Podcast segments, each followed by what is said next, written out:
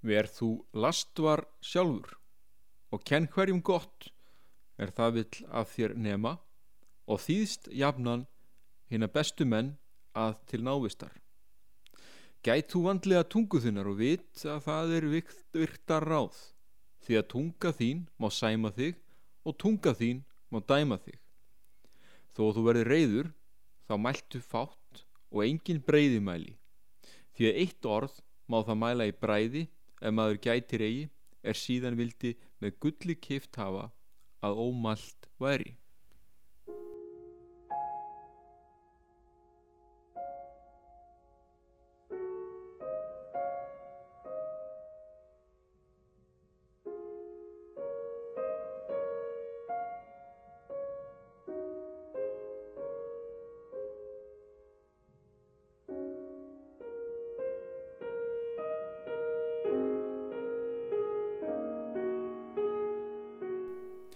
Heilir og sælir, hlustendu góður. Við erum velkomin í lögfræði hljóðvarpið. Ég heiti Björn Jón Bragason og við erum hér á útvarpi Merkur.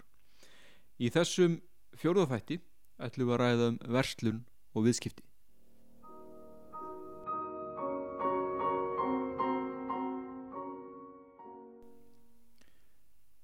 Þau heilræði sem voru nefnt hér í upphafi þáttarins er að finna í konungs skuggsjá eða spekúlum regeli Það er norst fordritt frá 13. öld. Það er einn kapli helgaður kaupmönnum og margt af þeim ráðleggingum eiga eins vel við nú og næri, fyrir næri 800 árum síðan. Eins og þessi vísdómsorð Vendu þig sjaldan hryggan því að hrygt hugskott er jafnan sjúkt. Heldur vertu jafnan blíður og léttlátur, jafnhugaður og eigi mislindur. Íslandingum er gert að tellja sig afkomundur vikinga og það má til sannsvega færa. En fleiri landnámsmenn og afkomundur þeirra voru þó kaupmenn og það sést best á því að íslenskan er kaupmannamál. Okkur skortir aldrei góð og gild íslensk hugtök við verslun og viðskipti. Verslunin á fyrstu öldum Íslandsbyðar gaf á sér gríðalan auð sem varð meðal aflvaka einstæðra menningarafreika og það er vitaskuld átt við fordsögurnar merkasta framlag Íslendinga til heimsmenningarinnar. Versta nignunaskeið íslenskara menningar reyði aftur á móti yfir á dögum einokkunum vestlunrennar árið sem var, tók gildi 1602 eh, þegar vestlunum var neft í fjödra. Vestlunum var frjáls á nýjanleik árið 1855 en óhindrað viðskipta líf er grundvallar fórsenda þess að landsmenn búa á okkar dögum við einn bestu lífskjör í veröldinni. Orðið að versla er dreyið af orðinu verð og merkir upprannlega að skiptast á verðmættum. Verslun tekur í daglegu tali til hvers konar kaupa, sölu eða skipta. Orðin verslun og viðskipti er notuð jöfnum höndum í daglegu máli en viðskipti manna á millum byggja meira á minna á gagkvæmum skiptum á vörum, þjónustu eða öðrum verðmættum fyrir peninga. Ef trésmiður kaupir óunnið timpur smíðar úr því og selur mununa rekkur hann aftur á móti ekki verslun heldur það sem við kallum yðnað yðnaður er, fólk, er í því fólkin að taka óunna eða ekki full unna vöru og breyta henni þannig að hún verði betri og hæfari til notkunar. Ef breytingin er óveruleg er þó hugsanlegt að en verslun sé að ræða. Hel, helstu lagabólkar á sviði viðskipta er um lögum lausafjörgkaup sem er nummið 50 frá 2000 og jafnan kölluð kaupalög eh, líka lögum neytjandakaup nr. 48 frá 2003 og lögum lausafjörkaup nr. 42 frá árunni 2000 kaup eru gagkvæmur samningur þar sem seljandi lætur af hendi eða lofar að láta af hendi einhverja eign til kaupanda sem greiðir eða lofar að greiða seljanda pening sem endur gjald fyrir eignina Með neytendum er átt við einstaklinga, fjölskyldur og heimili sem neyta þeirra gæða sem fyrirtækin framleiða. Með peningum er átt við þann gjaldmiðil sem er notaður í skiptum manna og á Íslandi nefnist þann króna. Króna var tekin upp sem mynd hér á landi 1875 og hún var þá alþjóðlegur gjaldmiðil en þá var ein íslensk króna jafngildi á þeim tíma einni danskri, sænskri og norskri og allt var þetta hluti af skandinaviska mynd samstarfunu. Á þeim tíma ríkti frelsi útgáðu peningasæla og þeir voru jafnan innleysanleir í gulli. E, myndbandalag e, Norðurlandana og frelsið peningamálum fór vegallrar veraldar í heimstyrjöldinni e, 1914 til 18 og frá að með 1922 hefur íslenska krónun verið skráð sérstaklega gagvart öðru myndum. Á okkar tímum hefur Sæðlabanki Íslands enga rétt til að gefa út peningasæðla og láta slá og gefa út mynd. Sæðlar og mynd sem banki gefur út skulle vera lög eirir til allra greiðsluna.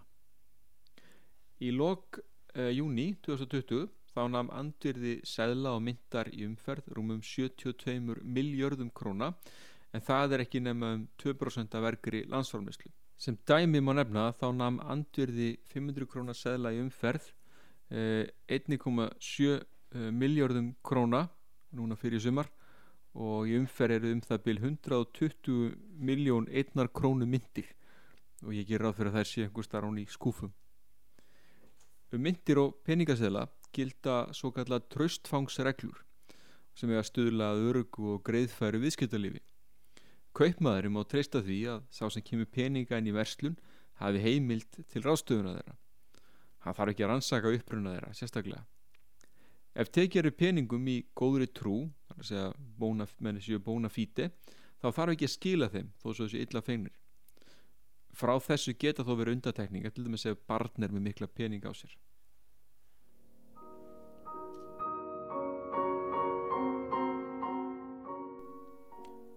Kauparétturinn er ein undirgrein fjármunaréttarins en mikilvægast að meginregla hans er svo sem lítur að vernd eignaréttarins og er orðið í 70. annari grein stjórnarskrár og fyrsta viðuka við mannréttasáttmál Evrópu.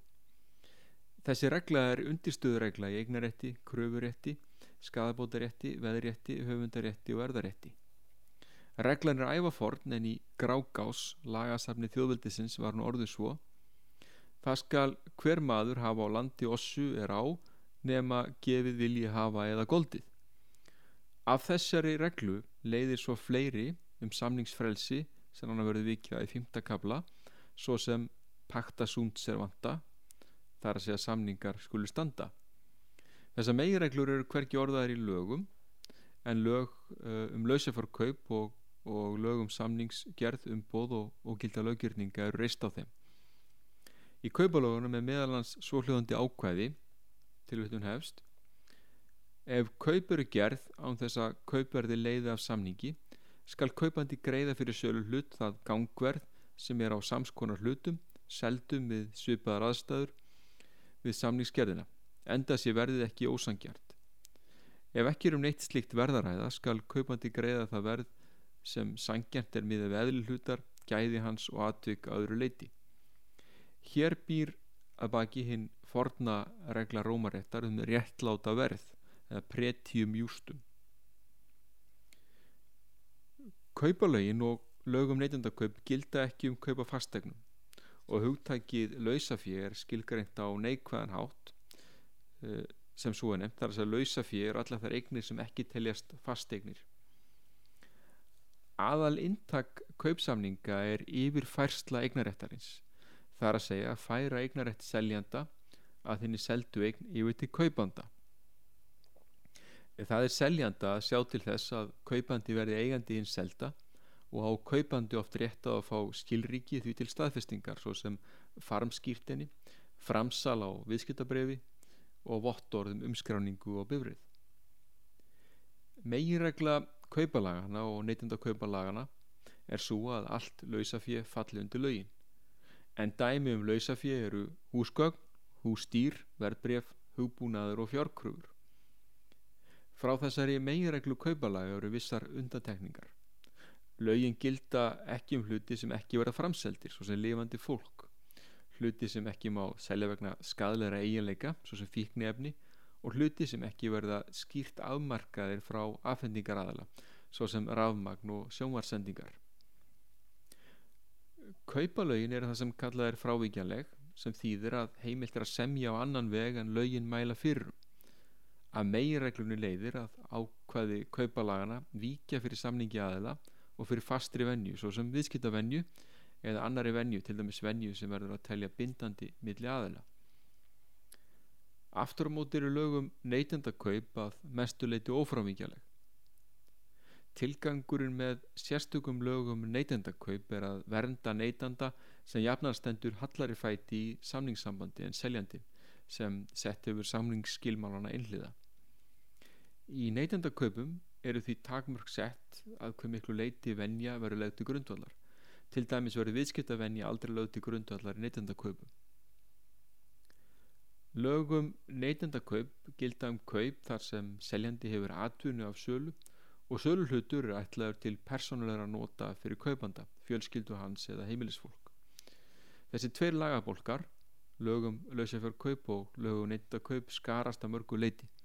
Samt sem áður hefur þótt nöðsynlegt að hafa sérstug lögum neytendakaup en þau að vera skýr og auðskiljanleg fyrir hinn almenna neytanda. Kaupalögin eh, geta átt við um skipti og svo kalluð pöntunarkaup.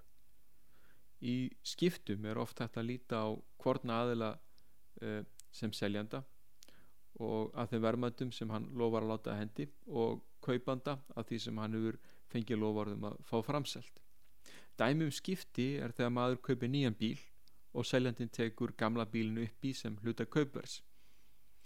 Ekki gilda þó alla reglu kaupalagan um skipti.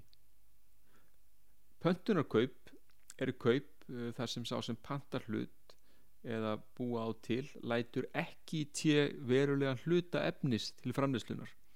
Dæmum pöntunarkaup er þegar maður pantar eldúsinnetningu og smiðurinn leggur jafnfram til efnið til, e, í innetninguna. E, ef sá sem pantar leggur jafnfram til efnið er ekki um kauparæða heldur verksamning og fellur slíku samningur undir lögum þjónustukaup sem við ekki verður að hér síðar. Sérstaklega skal þess getið að kaupalögin gilda kvorki um samninga um að reysa byggingar nýjönur mannvirki á fastegn. Lögum neytendakaup náu yfir pöntur hlutar sem á búa til en í lögunum er, er ekki sett skilirði e, að seljandi útvegi verulega hluta eða allt efni sem þar til framleiðslunar. Lögin ná því til pöntunarkaupa þar sem neytandi útver sjálfur efni eða verulegan hluta þess.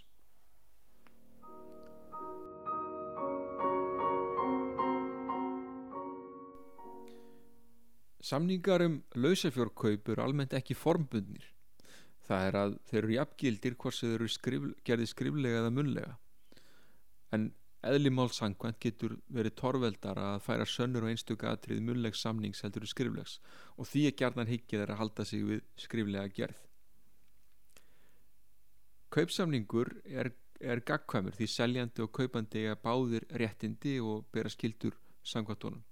Seljandi á að aðfenda hins selda hlut á réttum stað á réttum tíma og í því ásíkomulagi sem við var samið og hann á móti að sjá til þess að eignarétturinn á hlutnum færist yfir til kaupanda.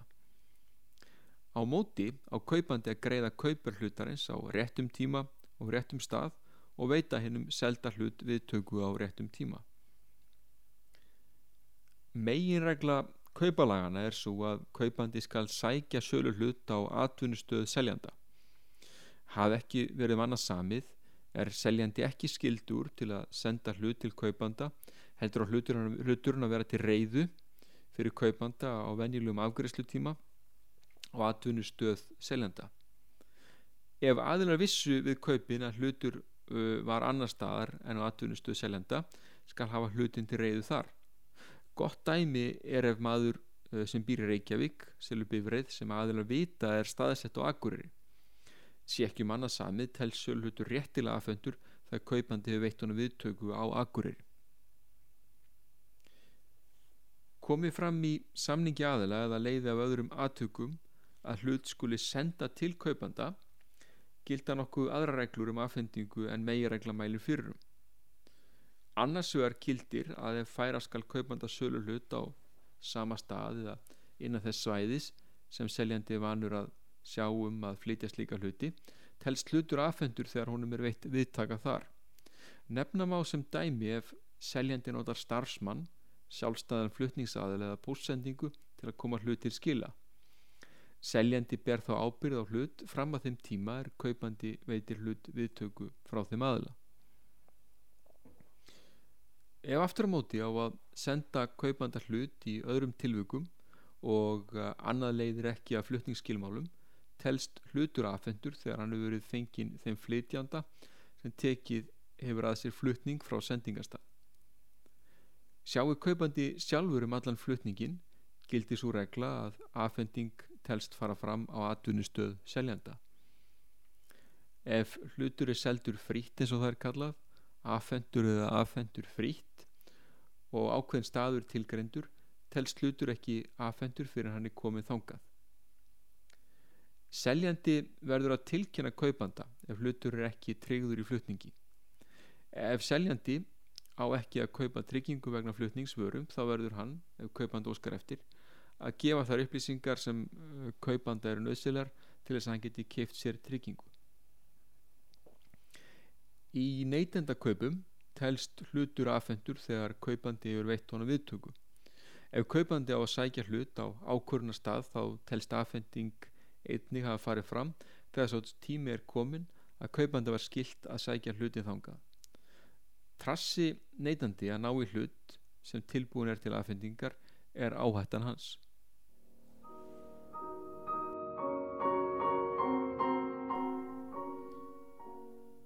Aðfendingar tími fer jafnan eftir samningi aðela með beinum eða óbeinum hætti sé samningsákvæði ekki til að dreifa ber að aðfenda hlut innan sangjarns tíma frá því að kaup voru gerð Nú hvað telst sangjar tími verður að meta hverju sinni með hlýðsjóna því um hvers konar kaup er að ræða og að aðtökum öðru leiti. Hafi verið samið um svigrum til aðfendingar er það seljandin sem velur tímamarkið nema leiða megi af aðtökum að valið sé kaupandans til dæmis ef hann á að útvöða tæki til flutningsvörunar. Velji seljandi tímamark aðfendingar í þeim tilvikum sem kaupandi skal sækja hlut á atvinnustuð seljanda. Ber seljanda að tilkynna kaupenda það með nægum fyrirvara hvernig sækja skal hluti e, rétti til þessara tilkynningar geta neytundur ekki afsala sér þrátt fyrir almennt sé fullt frelsi til að semja um aðfendingatíma en ytterköp hafi ekki verið samið um annað gildi svo regla að kaupanda ber að greiða fyrir vöru á sama tíma og færna aðfenda þar að segja sem lögfræðingar kalla hönd selur hendi Seljanda er því heimilt að neyta aðfenda kaupanda hlut nema að hann fái samtímis kaupverði greitt. Í neytendakaupum er þó heimilt að semja um greiðslu frest og hafi fyrirfram verið samið um slíka frest getur seljandi ekki neytað aðfenda hlut á grundvöldu megireglunar um að hönd selji hendi. Áhættan af því að sölu hlutur farist er hjá seljanda þar til hann hefur skilað lutnum af sér eða affendan. Eftir það flist áhættan yfir til kaupanda en af því leiðir að greiðslu skilta hans stendur óhauguð hver svo sem síðar og örlög sölulutar verða. Það er hvort sem hann ferst, eh, skemmist eða rýrnar. Verði aðtvigg sem valda því að hlutur ferst, skemmist eða rýrnar rakitinn seljanda er um vanemdir af hans halva að ræða og þá ræðist greiðsluskylda kaupanda af reglunum afleðingar greiðslutróttar. Sko líta á hæstærtadóm nummer 338 1992 en þar háttaði svo til að maður kifti keppnisest og áskildi sér við kaupin að dýralæknir skoða hann að sér viðstöldum og hafði þó sérstaklega huga heilbreyði fóta hestsins. Skoðinni fór fram og kaupandi tafðist aftur á mót á leiðinni og hann var ekki viðstöldur. Þegar kaupandi eh, kom á staðin reyndi hann hestin og skoði krók og kima. Seljandi síndi hestin að auki á öllum gangi. Hestur var þínast fluttur suður yfir heiðar en ferðalagi tók alls um 14 klukkustundir. Þegar komið var á leiðarenda reyndist hesturinn ganga ójamt á afturfótonum. Til stóð að hann tæki þá þegar þátt í keppni en það gæti ekki orðið af þessum sögum.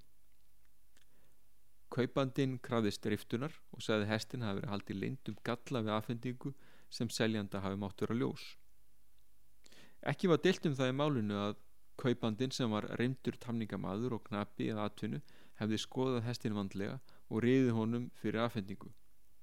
Sömulegðis hefði ekkert aðtuvert komið fram með skoðun dýralæknis á fótum hessins. Hann fetaði og brokkaði eðla og var óhaldur. Því þótt ekki sannað að hesturinn hafi verið haldið leindum göllum við afhendingu og seljandi því síknaður á kröfum kaupanda. Af þessum dómi sést vel að við mat á því hvort hesturum var gallaður var miða við ástand hans við afhendingu. Það er þegar áhættu skiptin áttu sér stað. Áhættu skipti takmarka ekki rétt kaupanda til að rifta kaupum eða halda eigin greiðslu vegna vanenda hálfu seglanda eh, sem eru tilkomnar eftir áhættu skiptin. Ef kaupandi vanefnir samningsinn við seljanda með því að veita hlut ekki viðtöku á afhendingatíma flist áhættan yfir til hans þegar hlutur er honum heimil til ástöfunar. Í neytendakaupum gildi þó svo sérregla að kaupandi ber ekki áhættuna að tilvíluna kendum atbyrðum sem verða með hlutur er hjá seljanda og atbyrðin er ekki unda að reykja til eigalega hlutarins sjálfs. Víkjum þá að eiginleikum söluhlutar en uh, hlutur skal vera í samræmið samning aðila. Regla, reglan á bæði við um tegund hlutar, magn, gæði og aðra eiginleika svo sem geimsluþól auk innpökkunar hlutarins. Ef hlutur hefur ekki til að bera þá eiginleika sem leiða má á samningi eða seljandi hefur ábyrst telst galli vera til staðar Segja ekkert í samningi aðila um eiginleika hlutar er, eru nokkur mikilvæg aðtri nefnd í lögunum sem aðstója við mata á eiginleikum söluhlutar. Má af þeim aðtriðum nefna að hlutur verður að henda í þeim tilgangi sem sambarlega hlutir eru notaði til, til dæmis verður stótla þóla þingd fullorðins manns. Ólíkir hlutir geta þó verið mismunanda gæðum án þess að sá lagasti til í skallaður. Við mat í þeim efnum verður að taka tillit til ímessa atvöka við kaupin svo sem versins. Einniska hlutur hafa sömu eiginleika og pröfur og líkun ef þeim er til að dreifa. Í neytendakaupum skuli eiginleikar hlutar verið í samræmi við lög og ofinberðar ákvarðanir á þeim tíma sem kaupin voru gerð. Reynist eiginleikar söluhlutar ekki í samræmi við ákvaðu kaupalagana telstan gallaður. E, Ég ætla að nefna hér hæstærðadóm sem útskýrir þetta ágæðlega. Hann er frá 8. november 2007. Það er málnumur 176 2007 en þar voru aðtök þau að S hafði keift bifjól af O eftir að hafa skoðað það tvívegis og pröfukert stjórnans böl. Degi eftir kaupin bilaði hjólið en bilunin var rakið til þess að tannhjól annars skýrs festist í aukslinum þegar hjólið var í akstri með þeim afleðingum að gýrhjól brotnaði og allir skemmtum á vél og gýrkassa. S krafist þess að kaupsamningir er rift og kaupverð endugreitt. Hérastómur, skipaður sérfróðu meðdómundum, tveimur bifilavirkjum, komst að þeirri niðurstuð að orsakavaldur bilurinnar hefði verið ótýrætt í staðar það hjólið skiptum hendur degi fyrr. Fallist var á að hjólið hefði því verið haldið galla sangvænt ákvaðum lausafjörg kaupa laga er S kifti hjólið af Ó gallin færi í sig verulega vanemt í skilningi lagana og því var fallist á kröfu S um riftun á kaupunum og endugreislu kaupvers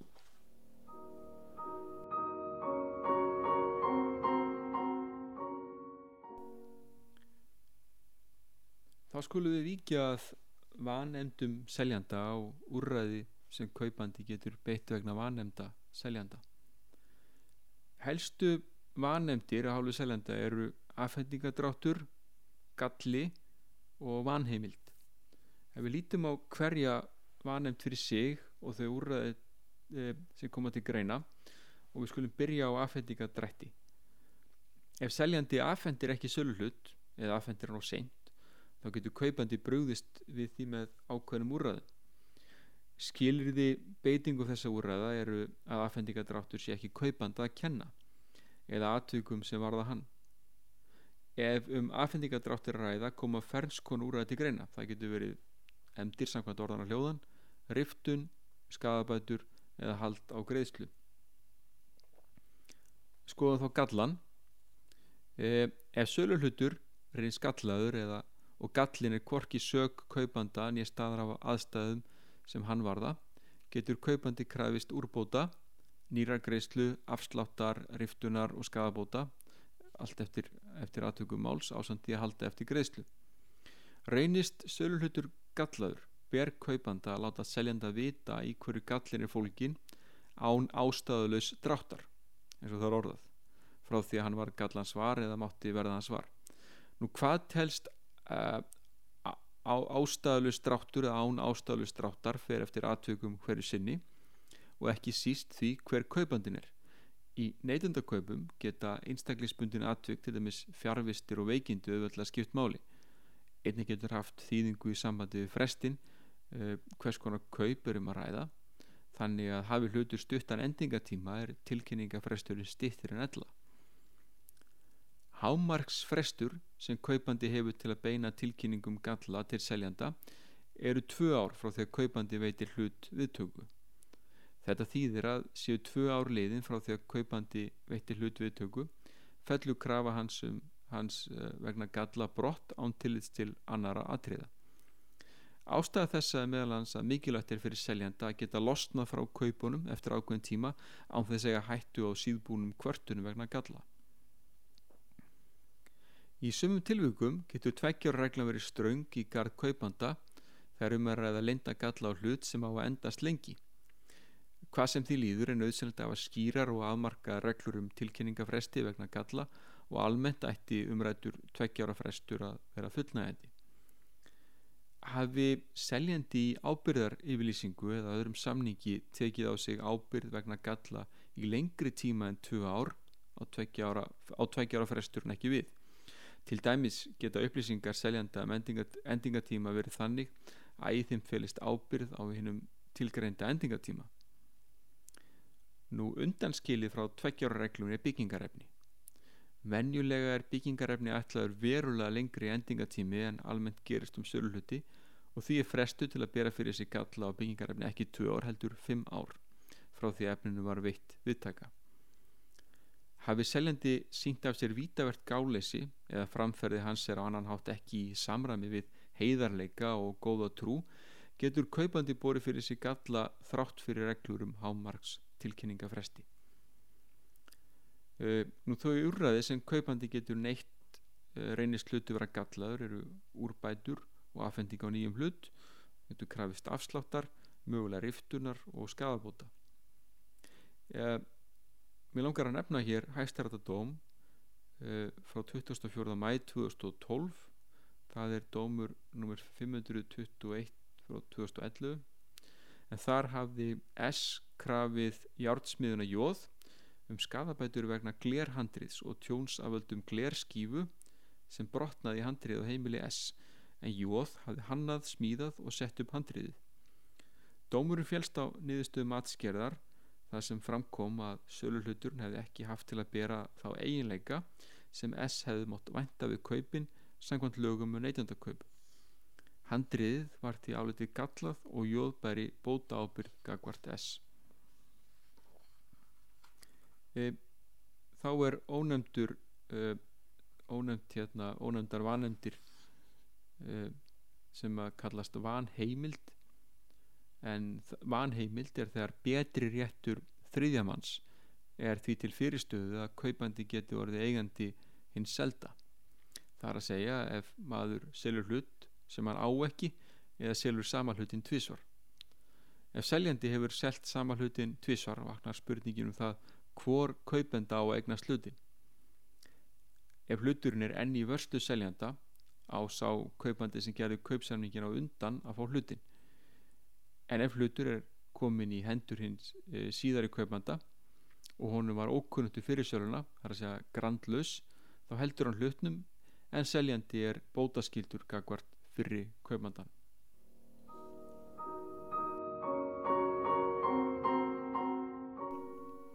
Þá eru við komin að skildum kaupanda. Nú, kaupanda ber að greiða kaupverð, eða mál sangkvæmt. Ef ekki hefur verið samið um kaupverð, þá ber kaupanda greiða það gangverð sem sambærli hlutir hafa, enda sér verðið ekki ósangjant. Um, með gangverði er yfirleitt átt við það verð sem sögulegðali tekur af öðrum viðskiptavinum fyrir sambærlega hluti á samningstímanum nema sölu aðli selji á herraverði en aðri í grinni ef ekki er um eitt gangverð að ræða bera miða við það verð sem sangjart er miða við eðli hlutarins, gæði hans og aðrar aðstæður. Ef ekki hefur samið um verð og kaupandi fær reikning eða orðsendingu e, er hann að meginstefnu til pundi við það verð sem, sem uh, þar kemur fram ef hann mótmælir ekki við seljanda innan sangjart tíma. Þess má geta að það kaupverðir ákveð eftir þyngd skal sangkvæmt kaupalöfum draga fyrst frá þyngd umbúða. Nú, við skulum vikja stuttlega að úrraðum seljanda vegna vanemda kaupanda og helstu vanemdir að hálfu kaupanda eru annars vegar greiðsludráttur og hins vegar viðtökudráttur. Nú, mikið fyrst að emdum, það er megiregla í kaupalöfunum að seljandi getur haldið fast við kaupin og krafist þess að kaupandin greiði kaupverðið þetta á þó ekki við ef greiðslutrátt má reykja til stöðuna samgangna, greiðslumiðlunar eða annar atveika sem kaupandi getur ekki stjórna og fær ekki unnið bug á en sem dæmi má taka líka verkfalli í banka. E, seljandi getur hins vegar ekki krafist þess að kaupandi veiti sölhut viðtöku og getur hann í slíkum tilfellum einingjuskrafist riftunar eða skadabóta eftir aðfendingatími liðin getur seljandi glata rétti sínum til að krefjast enda býði hann óhæfilega lengi með að setja fram slíka kröfu. Uh, þá koma riftun. Nú seljandi getur í fyrsta lagi riftkaupum vegna dráttar og greiðslu kaupæðsins um, þegar um verulega vanemdir er að ræða af halvu kaupanda. Veiti seljandi kaupanda sangjarnar viðbúta frest til greiðslu getur hann riftkaupunum að þeim frestiliðnum og er þá ekki gerður áskilnaður um verulega vanemd. Hafi kaupandi veitt sölulhut viðtöku en ekki greitt kauparið getur seljandi einungis rift hafi hann gert um það fyrirvara eða kaupandi hafnar hlutnum.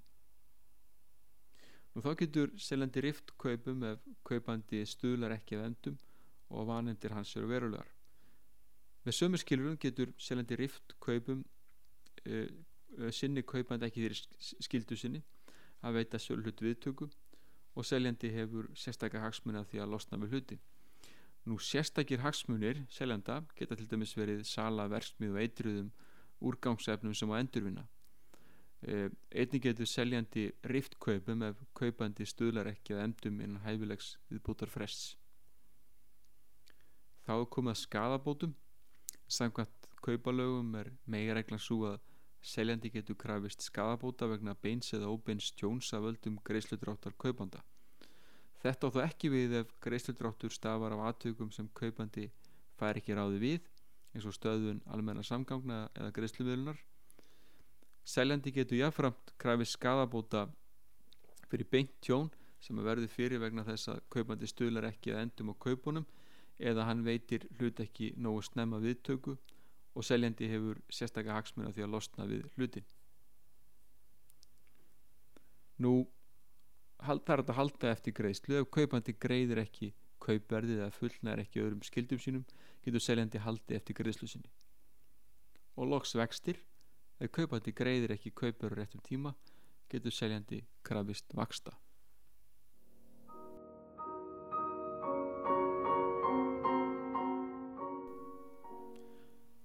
Nú þá eru komin að þjónustu köpum en um þau gilda sérstök lög og þau lög eru ófrávíkjanleg aðtúið að lögum lausafjörkaup eru frávíkjanleg en lögum þjónustu kaup og lögum neytendakaup eru ófrávíkjanleg á þann veg að það er óheimilt að semja um lagari rétt til handa neytendum en hveðir áum í lögunum.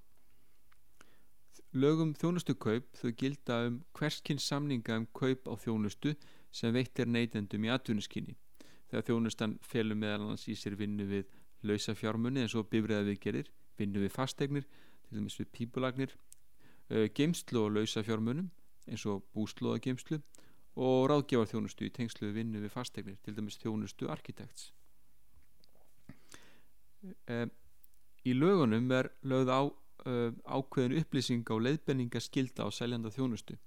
Þannig ber seljanda að upplýsa neytandan um það hvort kaup á þjónustunni til dæmis viðger og hlut sé hagkvæm eða ekki með hlýðsjóna verki til hlutarins ef seljanda verður það ekki ljóst fyrir, uh, fyrir vinnaðar hafin verður seljandi að tilkynna neytandanum um þetta svo hann geti tekið ákvörnu framaldi.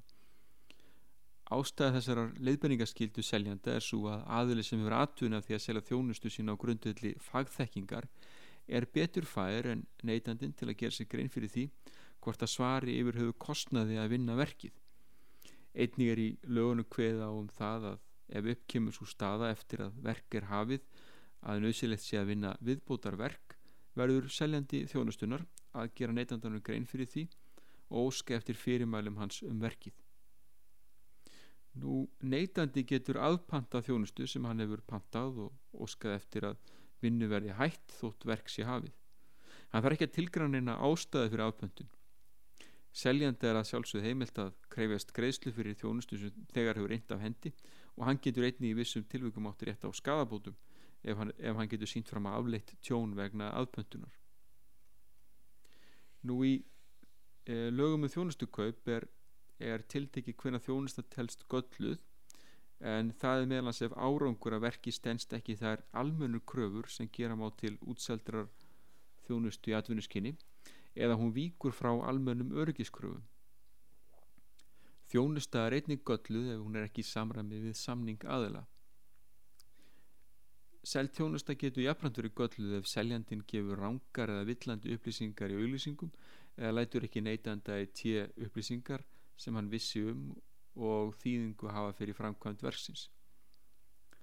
Neytandi eh, getur vegna galla krafist riftunar, úrbóta, afsláttar og eftir aðtökum skadabóta auk þess sem hann getur átt rétt á því að halda eftir greiðslu. Nú neytandi á rétt á að uh, seljandi bæti úr gallanum nema það valdi seljandanum óhæfilega miklum kostnaði eða verulegu óhæraði. Jafnframt getur seljandi krafist þess að fá að bæta úr gallanum ef hann gerir það innan sangjans fress og án kostnaðar eða verulegs óhæraðis fyrir neytandan. Ef þjónustu er gölluð getur neytandin krafist afsláttar frá verði þjónustunar sem svarar til gallars. Ef veitt þjónusta er uh, verulega áfátt með að við tilgang uh, versins og þjónustu sem fyrir var að kaupa getur neytandin rift uh, samningnum að öllu leiti eða þeim hluta verksum sem ólogið er verði neytandi fyrir tjóni vegna gallara þjónustu á rétt á skadabótum nema seljandi síni fram á að gallin verði ekki rakin til vanrækslu hans. Í þessu sambandi þá skulum við líta á dóm hérastóms Reykjanes frá 22. desember 2008 það er mál E 1817 eh, frá 2008. Í því máli þar hátt það svo til að neytandi tók á leigu húsrými í búslóðargeimslu hjá aðila sem rak slikt geimsluhúsnaði. Þegar neytandin sótti búslóðan úr geimslunni komu í ljós rakaskemdir og höfðan mála hendur selandanum til heimtu skadabóta vegna tjónsins. Hérastómur félst á kröfun og saði með annars orð, hérna, orðrétt tilutnun í dómin. Sankvæmt 2050 grein þjónustu kaupa laga ber stemta að bæta tjónstefnanda nema hann sanni að hann hafi ekki sínt af sér vanrækslu en það hefur hann ekki gert. Ber hann því skadabóta ábyrð á tjóni sem varð á búslóðinni. Stemdi getur ekki undanskilið sér slíkri ábyrð með stöðluðu ákveði samningi aðila um að tjón á eignum leigutaka vegna bruna, þjófnaðar eða skemta sjálfarið á ábyrð leigutaka til utnum líkur. Nú, uh, ef við lítum á kvörtuna frest í vonandi þjónustu kaupin eh, ef neytandi ætlar að bera fyrir sig galla verður hann að tilkynna seljanda það innan sangjarsfrest eftir að honum var gallin ljós. Neytandi getur ekki borið fyrir sig galla eftir að tvö ára eru liðin frá aðfendingadegi hinnar seldu þjónustu nema seljandi hafi í samningi tekið á sig ábyrð vegna galla í lengri tíma eða hann hafi brotið gegn góðum viðskiptaháttum eða annan hátt sínt af sér vítavert gáleysi Nú um, seljanda ber að aðfenda selda þjónustu á þeim tíma sem um var samið. Ef ekki hefur samið um neitt aðfendingatíma skal seljandi þjónustu skila af sér verkinu innan sangjarsfrests frá því að krafa um það kemur fram. Ef drátturinn á að ljúka þjónustunni skiptir neytanda verulegu máli og seljandi er það ljóst, getur neytandi rift samningnum. Einning getur neytandi rift samningnum ef seljandi leysir hana ekki af hendi innan umsamins fress eða innan sangjasfress frá því að krafa hefur komið fram um afhendingu neytandi getur svo áallt krafist skafabóta fyrir tjón sem að verði fyrir vegna dráttar eh, á að þjónustu ljúki nema seljendi síni fram á að drátturinn sé ekki af hans völdu um, ef við lítum aðeins á uh, ákvæði laganum verð fyrir þjónustu að þá er það þannig ef ekki verið sami fyrir verð sami um verð fyrir kefta þjónustu skal neytandi greiða það verð sem til þeim á sangjant með hlýðsjónu því hver vinnan er mikil og hvers eðlis hún er. Hafið seljandi látið neytandi til verð áallun má verði ekki fara verulega fram úr þeirra áallun, eðli málsangvæmt. Þrátt fyrir að seljandi hafi gert tilbúið að verð áallun ber honum viðbóta greiðsla hafi verð hækka vegna kringumstæna sem hann gæti ekki séð fyrir. Eh, seljandi að bera tilkynna neytanda um slikt ántafar og óska eftir fyrirmælum um verkið. Ef hann sinni því ekki getur hann glata kröfu sinni um fullt verð eða viðbúta, eða viðbúta greiðslu.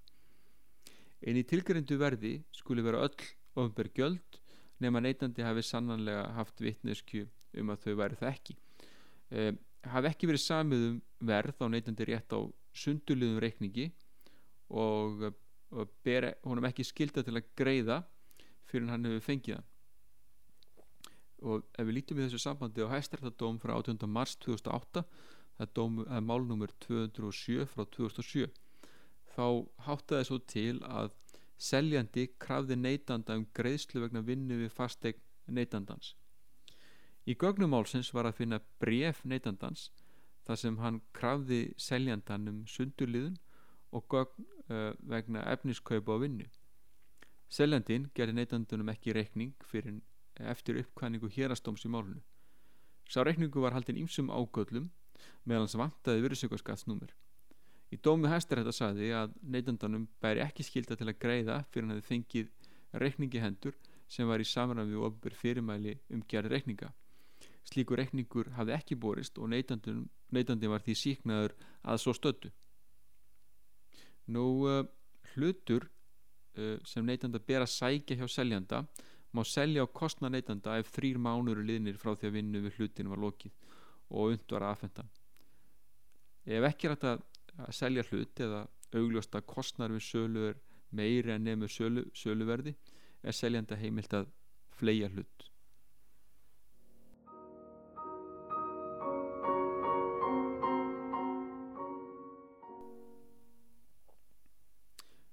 þá er rauðin komin að eh, verslunarekstri. En uh, það gilda sérstök lögum verslunar atvinnu nr. 28 frá 1998 og þau taka til allra þeirra sem reyka verslun í atvinnuskinni þessi lög eru almenns eðlis og sérlögum sölu einstakra vörutegunda ganga þeim framar. Þar má nefna ákveð annara laga um verslun með áfengi og líf svo dæmis þetta ekki Sankvæmt uh, lögum um verslunatvinnu er verslun hvers konar milliganga um yfirfærslu á beinum eignarétti að lausafja um rekstur og þjónustustar sem er gilda aftur á móti engin almenn lög. Verslun þarf að skrá í firmaskrá hjá síslumanni ef um er að einstaklingsfyrirtæki, samegnarfélag eða samfunufélag en ef um reksturinn er enga hlutafélag eða hlutafélag þá er starfseminn skráð hjá hlutafélagskráð sem skatturinn heldur utanum. Nú rafræn viðskipti Ehm, það er nú svo að æstærri hluti viðskipta fer fram með rafrannum hætti og þar hefur veraldarvefurinn ekki hvað síst haft áhrif á.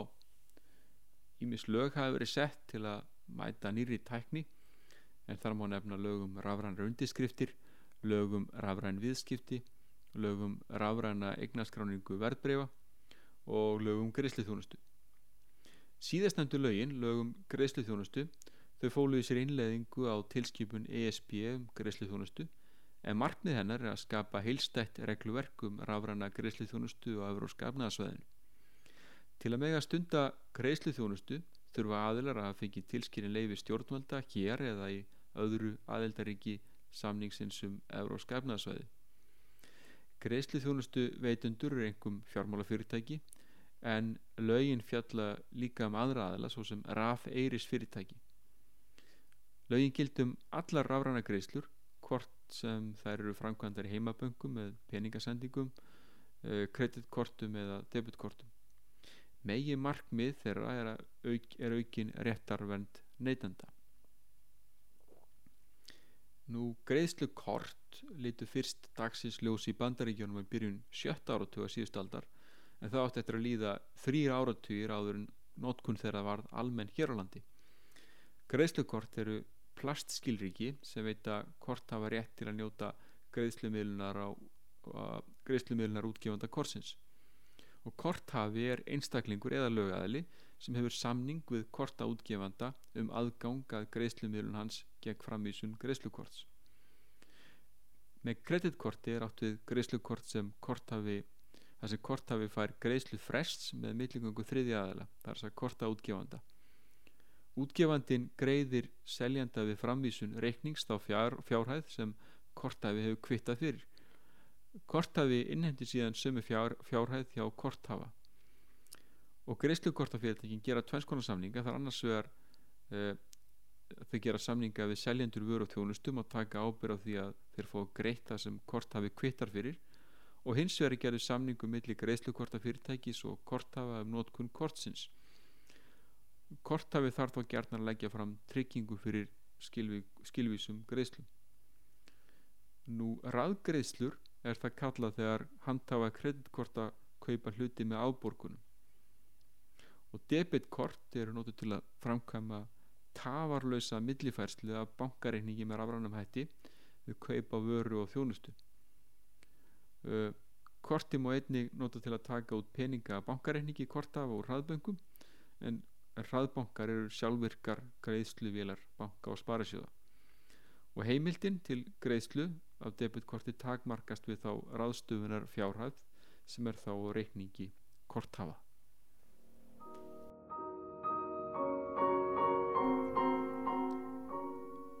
Þá skulum við uh, huga að hugverkum og auðkennum en um rétt til vörumerkja, hönnunar, tækni, listavísinda og rítverka er fjallað í sérstakri undigrein fjármunaréttar sem nefnist hugverka og auðkennaréttur. Nú auðkennaréttur hefur það hlutverk að gera atverðeikundum kleift að aðgerna starfsemi sína, vöru og þjónustu frá öðrum. Þar er þetta um að ræða óáþæriðanvelar eignir sem samt sem áður njóta eignarétta vendar líkt og um að ræða fastegnaða bifrið. Uh, við skulum fyrst líta á vörumerki. Um vörumerki gilda lög nr. 45 frá 1997 en með vörumerki er átt við sérstök auðkenni fyrir vöru eða þjónustu til nota í atvinnustarfsemi. Vörumerki geta ímist verið sínleitt hákn sem notur í atvinnrekstri til auðkjöna vörur svo sem orð og orðasambönd til dæmis vígorð fyrirtækja bókstafir og tölustafir myndir og tekningar, útlit og búnaður eða umbúður vöru. Þessi atriði geta síðan tengst og myndaði sammenningu það sem er kallað ímynd vöru eða fyrirtækis. Ef skrá á vörumerki uh, þarf það að hafa sérkenni eða það sem við kalla aðgreiningar eiginleika. Uh, svo að hver sem er geti greint vörur eiganda þess frá vörum annara. Mjög almenn orð eða tegundarheiti eru ónóthæf sem vörumerki sem dæmi og nefna orði kjött sem hefur of almenna merkingu sem vörumerki fyrir tiltengin framlegenda kjötvara. Nú litur er hluti af vörumerki og þannig tengja neytendur rauða litin við Coca-Cola og rauðgulan við hagkaup. Erlendis er þess dæmi að litir hafi verið skráður sem vörumerki nefnum á rauðgúra litin á handfangi fiskarskerana ljós fjólubláa litin á umbúðunum utanum milkasúkulæð nú bláa litin á gjafaöskjunum frá Tiffany og Company og þannig mætti lengi telja. Nú hafi vörumerki aftur, aftur á móti verið notað um árabil og náð útbreyðslu og festu. Er hugsanlegt að eigundur þess hafa öðlast engarétt í krafti notkunar þó svo að merking orðana sé mjög almenn Í þessu sambandi má nefna þið gamalgróna fyrirtæki síld og fisk sem allir þekkja. Réttur til vörumerkis getur þannig orðið til ánskráningar hafi vörumerki náð það sem er kallað markasfestu. En almenna reglan er þó svo að einstaklingar og lögæðlar öðlast enga rétt á vörumerki með formleiri skráningu þess á grundvelli vörumerkjalaga. mjög aðteglisvert mál uh, sem, reis, uh, sem deila sem reysum um vörumerki er í hæstartadómi frá 1983 á blaðsíðu 1894 en þannig háttaði til að árið 1978 hófst útgafa tímaritt sér á landi sem fekk nafnið Tískublaðið Líf. Nú útgefandi hins heimskuna tímaritts Life í bandaríkjónum e, átti þá skráð vörumerkið Life hér á landi. Og þetta er allt skriðað með hástöfum Life og hann taldi að um var að brota á vörumerkirætti sínum það er að segja útgafa Tískublaðsins Lífs og hann krafðist þess að hennu íslenska tímariti er þið bannað að notast vorði líf í heiti sínu. Hæstiréttur fjælst á þetta bann en í dómnum sagði meðal annars og hérna kemur bein tilvittin í dómin.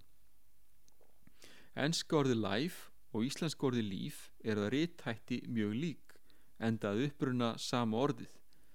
Þau merkja nokkur megin hið sama og merking hins ennska orðs má teljast alkunn hér á landi.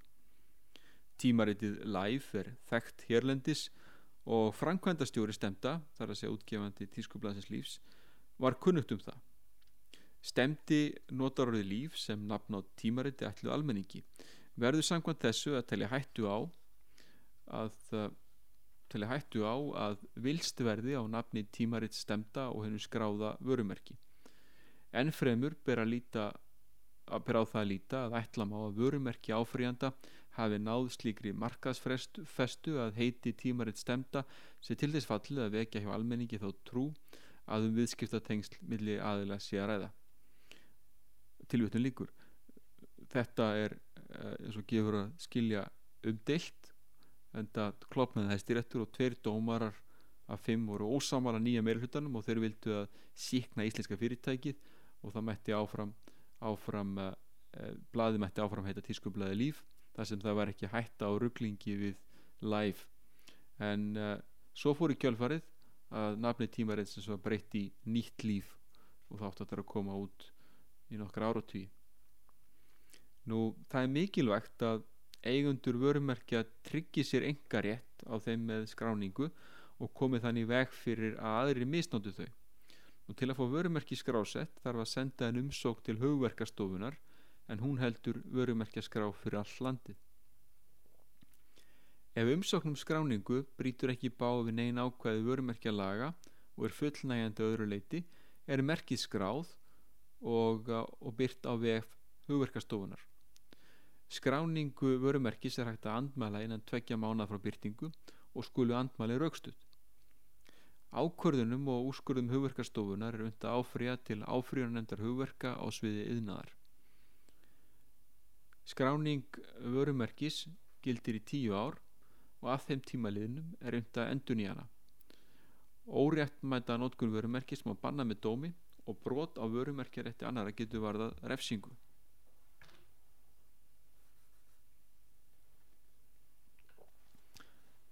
Það skulum við líta á uppfinningu.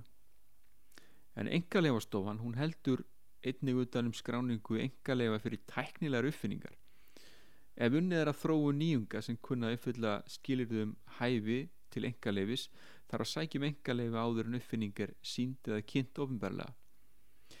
Eh, en hafi verið sagt frá uppfinningunni með nákvæm hætti til dæmis í sjónvarpiða dagblæði að þá er möguleiki til að öðlast engaleifi horfin. Engaleifi á uppfinningu veitur uppfinningamannum eins konar löglega einoguna stöðu. Hann fær þannig forskót á keppinutamarkaði þar sem engum öðrum er heimilt að nota uppfinningu hans í ákveðin tíma. Slík engaleifa vend er að mörguleiti forsenda tækniframfara það að hugvitsmenn sjáu sér beinan hag í að leita að lausna á margvíslegum viðfóngsefnum. Ef brotið ekki að engaleifi uppfinningamanns er skilt að bæta honu tjónið samkvæmt almönum skadabótareglum. Engaleifi sem engaleifastofan veitir gildir aðeins á Íslandi. Til að auðlast viðtækari vernd þarf annarkvort að leggja einn engaleivis umsókn í hverju landi fyrir sig eða leggja einn það sem er kallað alþjóðlega engaleivis umsókn. Um alþjóðlegar umsóknir gildir samstarfsamningur um engaleifi Patent Cooperation Treaty sem Ísland er aðilega að og flest yðinriki heims sem Bandaríkin, Japan, Breitland, Frakland og Þískaland. Hér er rétt að líta líka á lén en með léni er átt við nafnið auðkenni á netinu og það vísar þá til tiltekins netþjón sem geymir tiltekna heimasíðu. Léns heiti eru líka kvöldu netfeng sem er skýrskotnum til orðsins heimilisfangs en það er netfang heimilisfang eiganda léns eh, heitið sinns á netinu. Nú léns heiti eru samsett úr auðkenni að eiginvæli sem fyrirlið og ákveðni endingu að síðarlið en tveggjast af að þjóðar auðkenni Íslands er .is eins og kunnugt er. Til að fá léns skráð þarf að óska eftir skráningu hjá skráningar aðala. Megireglan við útlutu léna jafnt hér á landi sem erlendis er fyrstur kemur fyrstur fær fyrirtæki og stofnanir skrájafna lén sín með sínu nafni en æstæri hluti starfsemi fyrirtækja fyrir fram um vefsíður þeirra því getur skipt miklu máli fyrir fyrirtækið að hafa yfir að ráða léni sem er í huga neytandans sem í huga neytandans hefur skýr tengsl fyrirtækið oftast erum að ræða þá nafn fyrirtækisins mikilvæg þessa hefur þó minkað umtalsvert á síðust árum með tilkoma æfullkomnari leitarvila á veraldavefnum. Nú lögum vörumerki vernda eigundu léna gegn heimildalöysri notkun þessi aðtuniskinni og áfætta reyndi í hæstaradómi frá 28. november 2002 það er mál nr. 268 2002 en þar var það auglýsinga þjónustan UPS EHF og hún notaðist við lénið ups.is United Parcel Service of America Incorporated vildi ekki unna þessu og krafðist þess að UPS er þið dæmt til að láta afskara á lénið. Nú krafan byggði á því að nótkun UPS breyti gegn vörumerkjarétti þess og þar sem skamsturinn UPS eða UPS nýtti verndar sem alþjóðlega skráð vörumerki. United hafði einnig skráð vörumerki hér á landi í flokki 35 sem tekur meðal hans til auðlýsingastarfsemi eh, en í málunum láð þó fyrir að United rak ekki auðlýsinga þjónustu þannig að þið sjáu að þetta mál er, er ólíkt málun að framann það sem að, það sem að um var að ræða tvö tímaritt líf og life. Nú vörumerkjaréttur United var þó talin á til auðlýsingastarfsemi á grundelli vörumerkjalaga og því að fallist á kröfur þess og úps auðlýsingaþjónustunni var dæmt óheimilt að nota lénið upps.is Uh, hér að síðustu skulum við líta á höfund á hönnunarétt sem er, sem er ná skildur, skildur því sem að fram var, var rættum en bókmyndir og listaverk njóta eignarétta vendar á grundvelli höfundalaga nr. 73 frá 1972 það þarf ekki að skrá höfundarétt ólíkt engalefum og vörumerkjum. Engalegu vörumerki þarf að skrá hjá höfurkastofun en höfundarétt þarf ekki að skrá sérstaklega.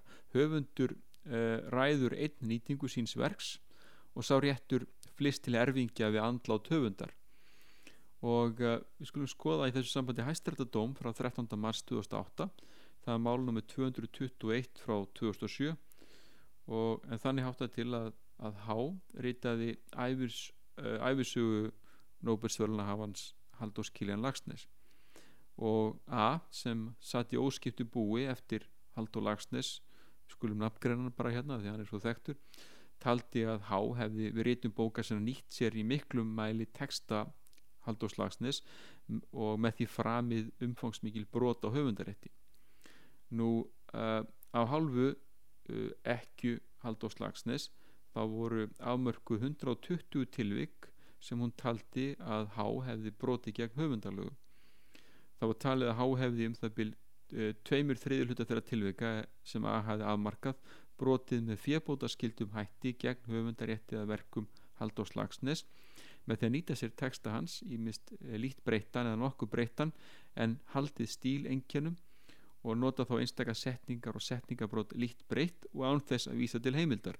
Hér er líkilatriði að vísa sér til heimildar og tilvittnun sé innan tilvittnana merkja. Ætla er um rétt stuld að ræða.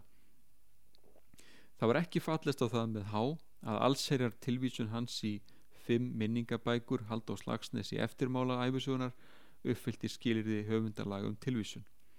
Nú A, ekki hald á slagsnes voru metnar fjebætur að álutum í málunu, það var eh, 1.500.000 krónur og var það álitið hæfilegt endurgjald fyrir höfundaréttin að mati hæstaréttar. og þá var há sömuleg stændu til að greiða málskostnað gagnaðila sem voru samtals 1 miljón og 600.000 krónur. Nú höfundalögin þau gilda jamt um samið mál í ræðu og riti hvort heldur það er prentað hefur byrst á heimasíðu. Hér falla undir hverskinsverk og upptalningi getur orðið mjög löngur maður tala um leiksviðsverk, tónsmíðar myndlist, byggingalist, kveikmyndir e, ljósmyndalist nýtjalist og aðra samsvarandi listgrinnar á hvern hátt og í hverju formi sem verki byrtist e, sömuleysi uppdrættir, tekningar, mótani líkun og önnur þess áttar gögn sem fræðslu veita um málefni eða skýraðu til dæmis e, tekningar í, í, e, í bókum e, þar eiga við þær eru varðar að að höfundarlögum. Nú höfundaréttur, hann helst þar til 70 áru liðin frá andláti höfundar. Að höfundi látnum þá erfist höfundaréttur eftir ákveðmi erðalaga og erfingjar farað öllu leiti með réttin, eins og kom fram í dæminu hér að undan. Með hugtækinu hönnun er átt við sjónrætt útlitt vöru og um hönnun gilda sérstök lög nr. 46 frá 2001 Það er hægt að öðlast engarétt á hann með skráningu á útliti vöru eða hluta vöru. Þar getur verið maður um að velbúnað, verkfæri, matvörur, umbúðir, húsgögn og fatnað og margt fleira. En varan hún þarf að vera ný og sérstæð til að geta notið hönnunavendar. En sóttur um slíka vernd til hugverkastofunar og hún rannsakar þá hvort um hönnun sé að ræða og hvort hún sé nógu sérstæð og hvort hún sé á lík annari hönnun. Hér gildi engir algildið mælikvarðar og sönnabyrði getur einst mjög flókin. Þá er fjórðaþætti lokið. Þið eru að hlusta á lögfræði hljóðvarpið. Ég heiti Björn Jón Bragason. Ég þakka ykkur fyrir að hlusta á e cuspre.